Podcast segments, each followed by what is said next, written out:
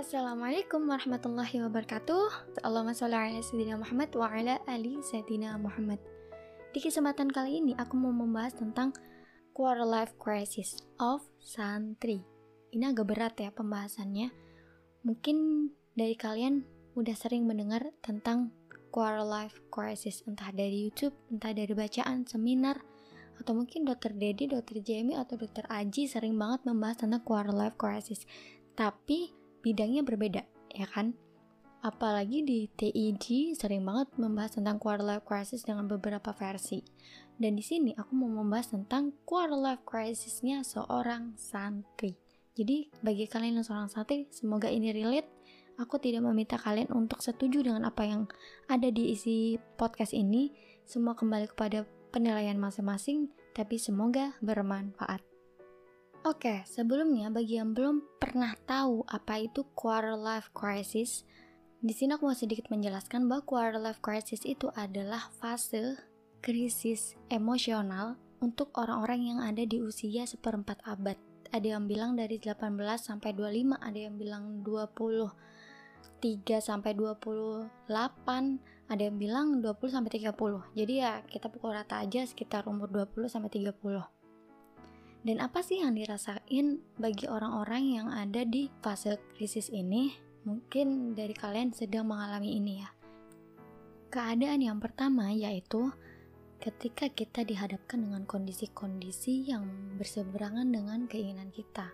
Apalagi seorang santri di mana di dalam pondok itu ya kegiatannya atau just like how to teach and how to learn dan rutinitasnya hanya seputar itu. Ya mungkin sometimes ya tentang kegiatan ekstra atau kegiatan yang di luar dari uh, pembelajaran agama, kegiatan ya di luar itu atau kepengurusan atau manajemen. Ya begitulah seputar dunia pendidikan dan dunia yang tertutup dari halayak ramai atau dunia luar. Nah, ketika ada di usia ini, maka kita bingung, apalagi orang-orang yang memang mau beranjak dari pondok pesantren dan kemudian menghadapi dunia luar. Dan dia bingung dan apa yang harus dia pilih dulu, sedangkan dia melihat orang lain udah sejauh itu dan merasa dia jalan di tempat dan belum ada produktif-produktifnya. Atau mungkin dia lihat temen lain wah gila ini anak udah udah nyampe ke mana-mana. Atau wah ini anak udah apa udah ngeliat temennya tuh udah berkeluarga atau udah punya anak terus wah ini anak udah udah punya sebanyak hal sedangkan aku masih begini-begini aja gitu. Kayak merasa terlambat merasa tertinggal dan merasa harus mana dulu nih aku melangkah. Atau yang kedua me versus my family. Atau mungkin me versus my habit. Di dalam pondok pesantren nih seorang santri kan banyak banget tuh di dalam pondok di dalam satu tempat ribuan dan dari banyak suku dan dari banyak kalangan ya kan? Tapi semua dipukul rata tuh. Sama semua rata. Padahal dengan berbagai karakter dengan beraneka ragam uh, background keluarga yang dulunya memiliki masa lalu yang masing-masing. Latar belakang keluarga yang beraneka ragam. Nah, ketika dia udah mau pergi nih, udah mau uh, hengkang atau mungkin udah menjadi alumni yang baru menjajaki dunia luar. Kemudian ternyata apa yang ada di kehidupannya dia di dalam pondok dengan keluarga itu nyaris berbeda. Kan ada misalkan di pondok udah sangat sangat agamis ternyata dia adalah sosok yang tumbuh dari keluarga yang sangat-sangat menjaga idealis yang tinggi atau mematok uh, stereotip yang berseberangan dengan apa yang kehidupan dia di dalam pondok atau kebalikannya dia ketika di dalam pondok dia menahan atau mungkin dia sedang menjadi orang lain atau mungkin tidak sebenarnya yang dia mau atau mungkin itu tuntutan dari uh, idealisnya keluarga. Padahal dia nggak pengen kayak gitu gitu loh. Keinginan-keinginan yang itu akhirnya dia terkikis tuh. Akhirnya dia pendem tuh. Nah ketika dia balik ke dalam dunia luar dan kembali normal seperti sebelumnya sebelum uh, sebelum dia apa ya mungkin adalah uh, siklus perubahan dari dalam kehidupan sebelum dia mondok sama setelah mondok mungkin perubahan uh, prinsip atau perubahan apa ya pola pikir. Alhasil uh, terkadang orang-orang itu yang memiliki keinginan yang terpendam akhirnya muncul tuh muncul lagi. Wah aku ingin melanjutkan misiku yang dulu nih. Atau mungkin keluarganya dia yang sangat-sangat agamis sedangkan dia orangnya nggak begitu bisa menjaga idealis itu. Kan uh, buah jatuh tidak jauh dari pohonnya. Tapi tidak semua hal itu bisa dibenturkan atau misalkan dipukul rata. Karena ya meskipun antara anak dan orang tua pun kadang-kadang punya kelebihan dan keinginan yang berbeda nyaris berbeda gitu. Padahal dalam satu darah bahkan anak-anak yang kembar pun itu punya pola pikir dan keinginan yang berbeda kan maka di fase ini dia akan stres tuh bagaimana dan apa yang harus dia lakukan ketika mengalami keadaan krisis emosional ini terus yang ketiga kita dengan latar belakang pendidikan kita. Biasanya uh, di dalam pondok ya, pondok pesantren bisa kan diajarkan tentang banyak hal tentang agama, bagaimana berdakwah, bagaimana berbagi ilmu, bagaimana uh, mengajar, bagaimana ya seperti hari itu.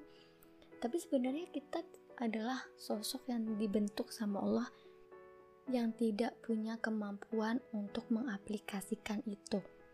Misal, uh, dia tidak bisa tuh ngomong di depan orang gemeter dia atau mungkin dia nggak bisa tuh caranya uh, memulai untuk apa ya bersosial dengan masyarakat dia orangnya uh, tidak terlalu bisa untuk berbaur atau dia lebih suka dengan dunia kesendirian. Misalkan dia suka orang yang kerja kerja di balik layar dan tidak ketemu banyak orang atau nggak suka ngajar atau mungkin dia nggak suka dengan dunia-dunia yang tentang rutinitas. Dia lebih suka take action as entrepreneur atau apalah ya dia seorang kerja yang di balik layar atau ngoding misalnya. Atau mungkin dia bercita-cita ingin jadi pembalap. Atau mungkin dia bercita-cita untuk jadi pilot. Atau mungkin ya pokoknya nggak sesuai dengan dirinya banget. Aku tuh nggak gitu banget tuh aku nggak gitu banget. Tapi kok bisa yong? Sampai ke pondok ya? Itu emang tugas aku sebagai santri aku harus menyelesaikan. Tapi sebenarnya bukan aku banget nih kayak gini nih gitu itu kan bakal beban tuh beban di di masa depan. Tapi ketika kita berada di quarter life crisis seperti ini itu jangan disepelekan. Karena biasanya orang-orang yang udah kayak kelewat stres atau nganggep ya udahlah realistis aja dah. Ya udahlah nikmatin takdir aja deh. Ya udahlah ngalir aja. Pasti ada aja kok berkahnya. Uh, pasti ada aja kok nanti nikmatnya diambil aja nanti hikmahnya. Atau apa pun itu yang akhirnya memukul dor udah ikutin alur aja kayak gitu. Dan itu bahaya sih. Coba kita bayangin seluruh dunia memikirkan berpikir seperti itu apa yang akan terjadi di dunia ini. Kayak zombie gak sih? Kayak zombie. Kayak zombie. Ya pokoknya kayak gitulah. Nah di sini bagi kalian yang merasa ada di fase ini selamat datang di dunia quarter life crisis. Kenapa? Karena ya di fase-fase ini kalau bisa hold dulu lah. Jangan melakukan keputusan apa pun. Jangan melakukan langkah apa pun dulu. Berjeda dulu lah. Karena jangan sampai nanti kita ketika kita berada di krisis ini kemudian kita memutuskan suatu pilihan akhirnya di waktu yang akan datang kita terjebak dengan keputusan kita sendiri dan akhirnya kita resiko yang terlalu besar akhirnya ada beberapa pihak yang berkorban dan itu sangat berdampak sama kehidupan orang. Banyak orang uh, especially for yourself gitu loh. Dan lagi bagi orang yang ada di kondisi krisis ini kalau bisa menghindari mengikuti seminar yang meluap-luap atau training-training kita harus sukses sebelum umur 27 tahun. Uh, kalau orang lain bisa kenapa kita tidak gitu? Jadi awalnya yang untuk membangun itu jadi malah stres malah membakar dan akhirnya meledak gitu loh. Untuk orang-orang yang memang berada di fase ini ya. Tapi kalau orang-orang yang memang nggak ada sangkut pautnya dengan keadaan ini ya fine fine aja. Ya nggak apa-apa ikut aja apa sih dampak dari quarter life crisis ini atau bagi kehidupan kita? Sedikit gambaran ya, ini sedikit gambaran. Orang-orang yang ada di fase ini akhirnya dia tidak benar-benar jernih dalam menentukan arah. Apalagi seorang santri yang memang dia baru aja nih beranjak dari kehidupan satu dan kehidupan lain. Dia bingung. Aku mau kerja dulu atau mau rehat dulu di luar atau harus tancap gas menikah atau bagaimana ya? Hmm, atau nikah dulu atau mapan dulu ya? Kalau misalkan mau usaha dulu usaha apa ya? Dari mana dulu ya? Gitu. Kemudian digencatin tuh sama stereotip yang datang pada dirinya. Umur segini harus menikah. Kalau nggak menikah, cari air terjun sono dan terjun ke bawah. Gitu misalnya. atau mungkin dengan pertanyaan-pertanyaan, wih udah di ke mana aja nih, udah ke mana aja dan kumpul jadi kumpul sama teman tuh jadi kayak wah nggak enak nih. Kayak ngerasa gitu loh kayak gimana sih? Itu tuh beban itu bener-bener gang uh, bener-bener mengganggu mental loh itu jangan disepelekan. Tapi ada juga nih orang yang berpikir itu namanya orang yang gak punya iman. Wah orang kayak gini nih orang yang jauh dari Allah. Kembalilah ke agama. Atau mungkin jangan terlalu idealis seperti itulah. Tolong ya Tolong minta tolong. Kita adalah manusia yang dibentuk dengan banyak sekali organ. Dengan beraneka ragam jiwa dan mental. Kemudian kita menjalani kehidupan dengan beraneka ragam. Yang meskipun ujungnya adalah ke atas. Gitu. Surga itu bukan hak milik, tapi hak cipta. Allah nggak tinggal di surga itu. Sehingga ya orang bisa mencapai itu dari tangga mana aja. Nih ya, kalau kita sadar bahwa ilmu itu tidak hanya seputar yang ada di pondok, ada ilmu lain, ada ilmu jiwa, ilmu mental, ilmu hati, ilmu uh, biologis, dan itu semua digali untuk memahami diri kita bahwa kita ini dibentuk pasti punya alasan, pasti ada tujuan Allah membuat kita. Maka di situlah kita harus menggali diri kita.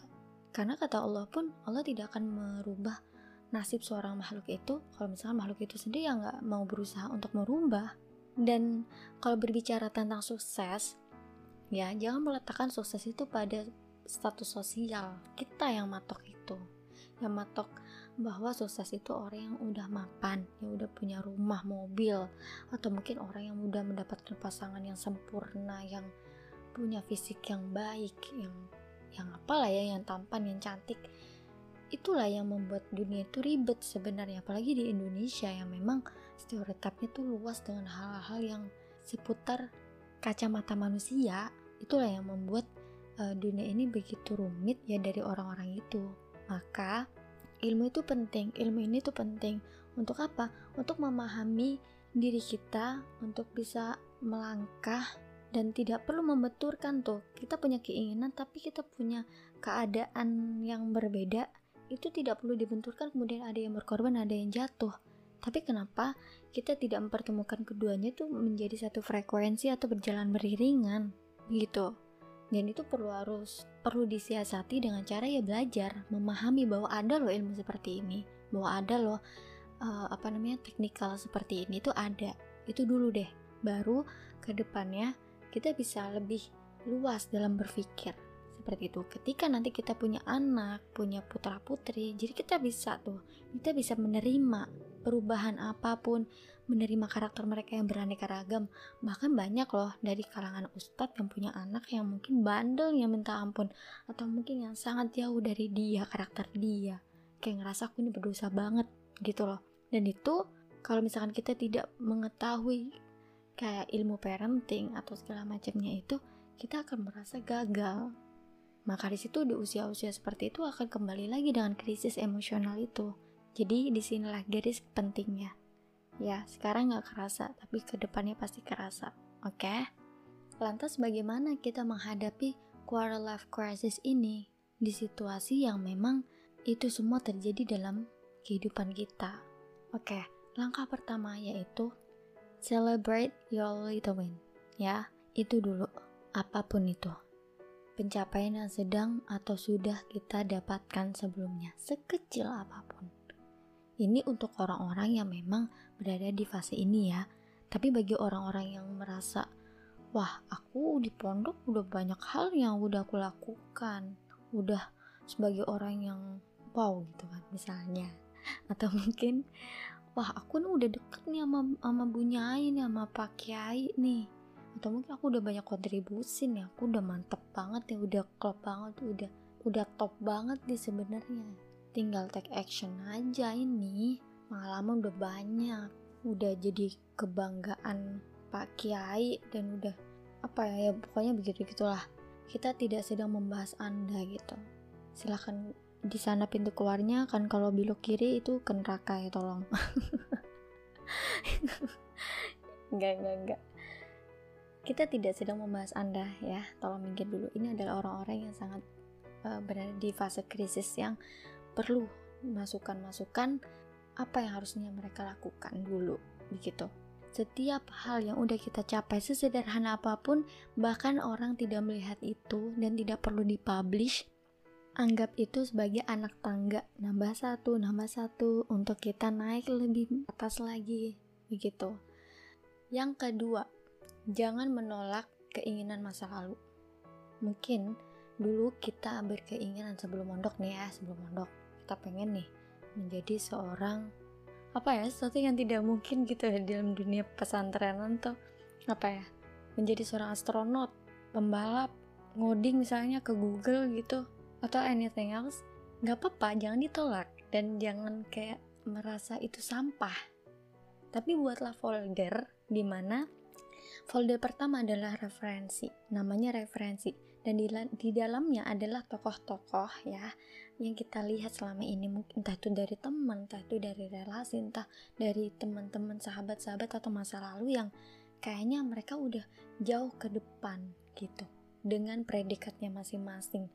Dengan entah dia udah apa ya udah jadi pembisnis sukses entah dia udah menjadikan skill mereka jadiin duit gitu loh. Kayak status sosialnya udah tinggi banget. Atau mungkin dia udah mendapatkan keluarga yang bahagia menjalani kehidupan yang baru. Itu letakkan di foldernya masing-masing tuh. Tapi dalam folder referensi bukan dalam planning. Karena itu akan acak-acakan. Kemudian kita bikin folder baru tuh. Nama foldernya planning. Di dalam planning itu ada dua folder. Masa lalu dan masa depan. Atau masa kini lah ya masa kini nah di masa lalu keinginan kita yang lalu yang aku bilang tadi tulis saja tulis saja entah kamu ingin apa ya menjadi Ultraman, menjadi Spiderman, apa ya apa pun itu menjadi guru, apa ya bukan guru sih ya, guru gaib gitu. ya pokoknya jadi orang-orang yang bahkan tidak terfikirkan di dalam pikiran itu tulis aja jangan ditolak. Ya kemudian uh, relate kan dengan keadaan yang sekarang? Mungkin ada perubahan uh, prinsip atau ada perubahan apa siklus kehidupan yang akhirnya tidak berpikir seperti itu lagi. Pengen jadi dokter atau pengen jadi polisi ternyata sekarang enggak. Jadi ini aja gitu misalnya ya itu semua perubahan itu ya tergantung uh, kondisi yang sekarang kan. Nah ketika itu diseimbangkan atau disandingkan maka jadikanlah referensi itu tadi menjadi poin-poinnya itu bisa diambil dari mereka. Maka, ketika kita sudah mencapai atau menarik kesimpulan atau plan yang harus kita jalankan, wah ini kayaknya cocok nih di dalam kehidupan aku nih. Atau mungkin dalam mencapai tujuan itu, keinginan aku ini bisa kok kalau misalkan dikondisikan aku cuma perlu media, aku cuma perlu orang-orang yang uh, sevisi sama aku atau se sejalan sama aku ya diambil aja gitu. Wah ini orang bisa nih buat jalan beriringan sama aku. Atau dia punya power di mana aku butuh banget dia mencapai itu. Ya sesuatu itulah. Karena apa? Karena frekuensi itu sebenarnya bisa dibentuk. Frekuensi itu bisa diolah bisa dirubah. Kenapa frekuensi itu sebenarnya adalah apa-apa yang kita suka. Kalau kita menyukai sesuatu kita akan ketarik dan meneladani uh, apa yang disuka itu menjadi aktivitas, maka di situlah tertimbul frekuensi. Karena frekuensi itu tidak hanya seputar tentang background keluarga. Frekuensi itu bisa dari pola pikir, bisa dari latar belakang pendidikan. Tapi ada juga tuh yang orang-orang yang berada di beda frekuensi, tapi ternyata sejalan. Jadi beda beda gelombang nih. Tapi ternyata bisa loh diseimbangkan, ternyata malah melandai-landai dan malah berirama gitu. Bisa juga. Jadi jangan memukul rata bahwa frekuensi itu hanya seputar itu. Gitu. Yang ketiga, biasanya setiap orang kalau ditanya apa sih tujuan kita, apa sih yang keinginan kita, sebenarnya kita itu ingin mencapai keberhargaan diri, merasa berguna, merasa berarti, dan merasa bermanfaat. Bill Gates aja udah buat segala macam dengan menjadi sosok yang kaya raya, ujung-ujungnya apa? Membuat yayasan. Karena itulah uh, goals orang-orang yang sudah mencapai uh, predikat berharga atau menjadi orang yang berarti untuk banyak orang, bermanfaat bagi orang. Maka penting untuk mencapai sesuatu, kita harus tahu tujuan kita sebenarnya di mana. Menjadi santri, setiap keinginan seorang santri adalah bagaimana bisa bermanfaat dan bagaimana kita bisa membanggakan guru-guru kita ya kan.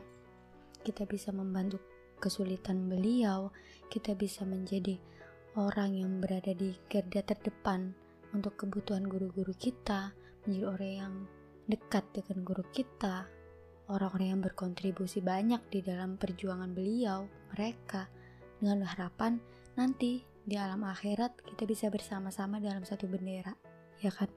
Maka di situlah pentingnya pengenalan diri. Itu target dong mau guru itu kenal kita mau enggak atau mungkin kita ingin untuk apa ya melanjutkan perjuangan guru kita dari jalan mana aja ya pokoknya relate lah sama kondisi kita dengan uh, kepribadian kita dan uh, bidang kita sesuai dengan bidang kita juga keberhargaan atau merasa berarti untuk orang-orang sekitar kita especially for your family for your parents for your children for your wife for your husband, or whoever you are in your side. Sesederhana apa pun itu, jadikan itu target. Tapi tidak harus merubah siapa diri kita. Untuk orang-orang yang mengalami quarter life crisis ini dan mendengarkan ke podcast ini, semoga ini bermanfaat untuk kalian semua. Satu lagi, hati-hati dalam langkah, lihat kanan kiri, jangan sampai tanpa sadar kita sedang menggulingkan orang lain atau menjatuhkan orang lain untuk kita bisa mencapai sesuatu dengan ego dan kenaifan yang ada dalam diri kita. Oke, begitu aja. Good luck for our life, proudly to be santri, and see you on the next my podcast. So, bye-bye. Assalamualaikum warahmatullahi wabarakatuh.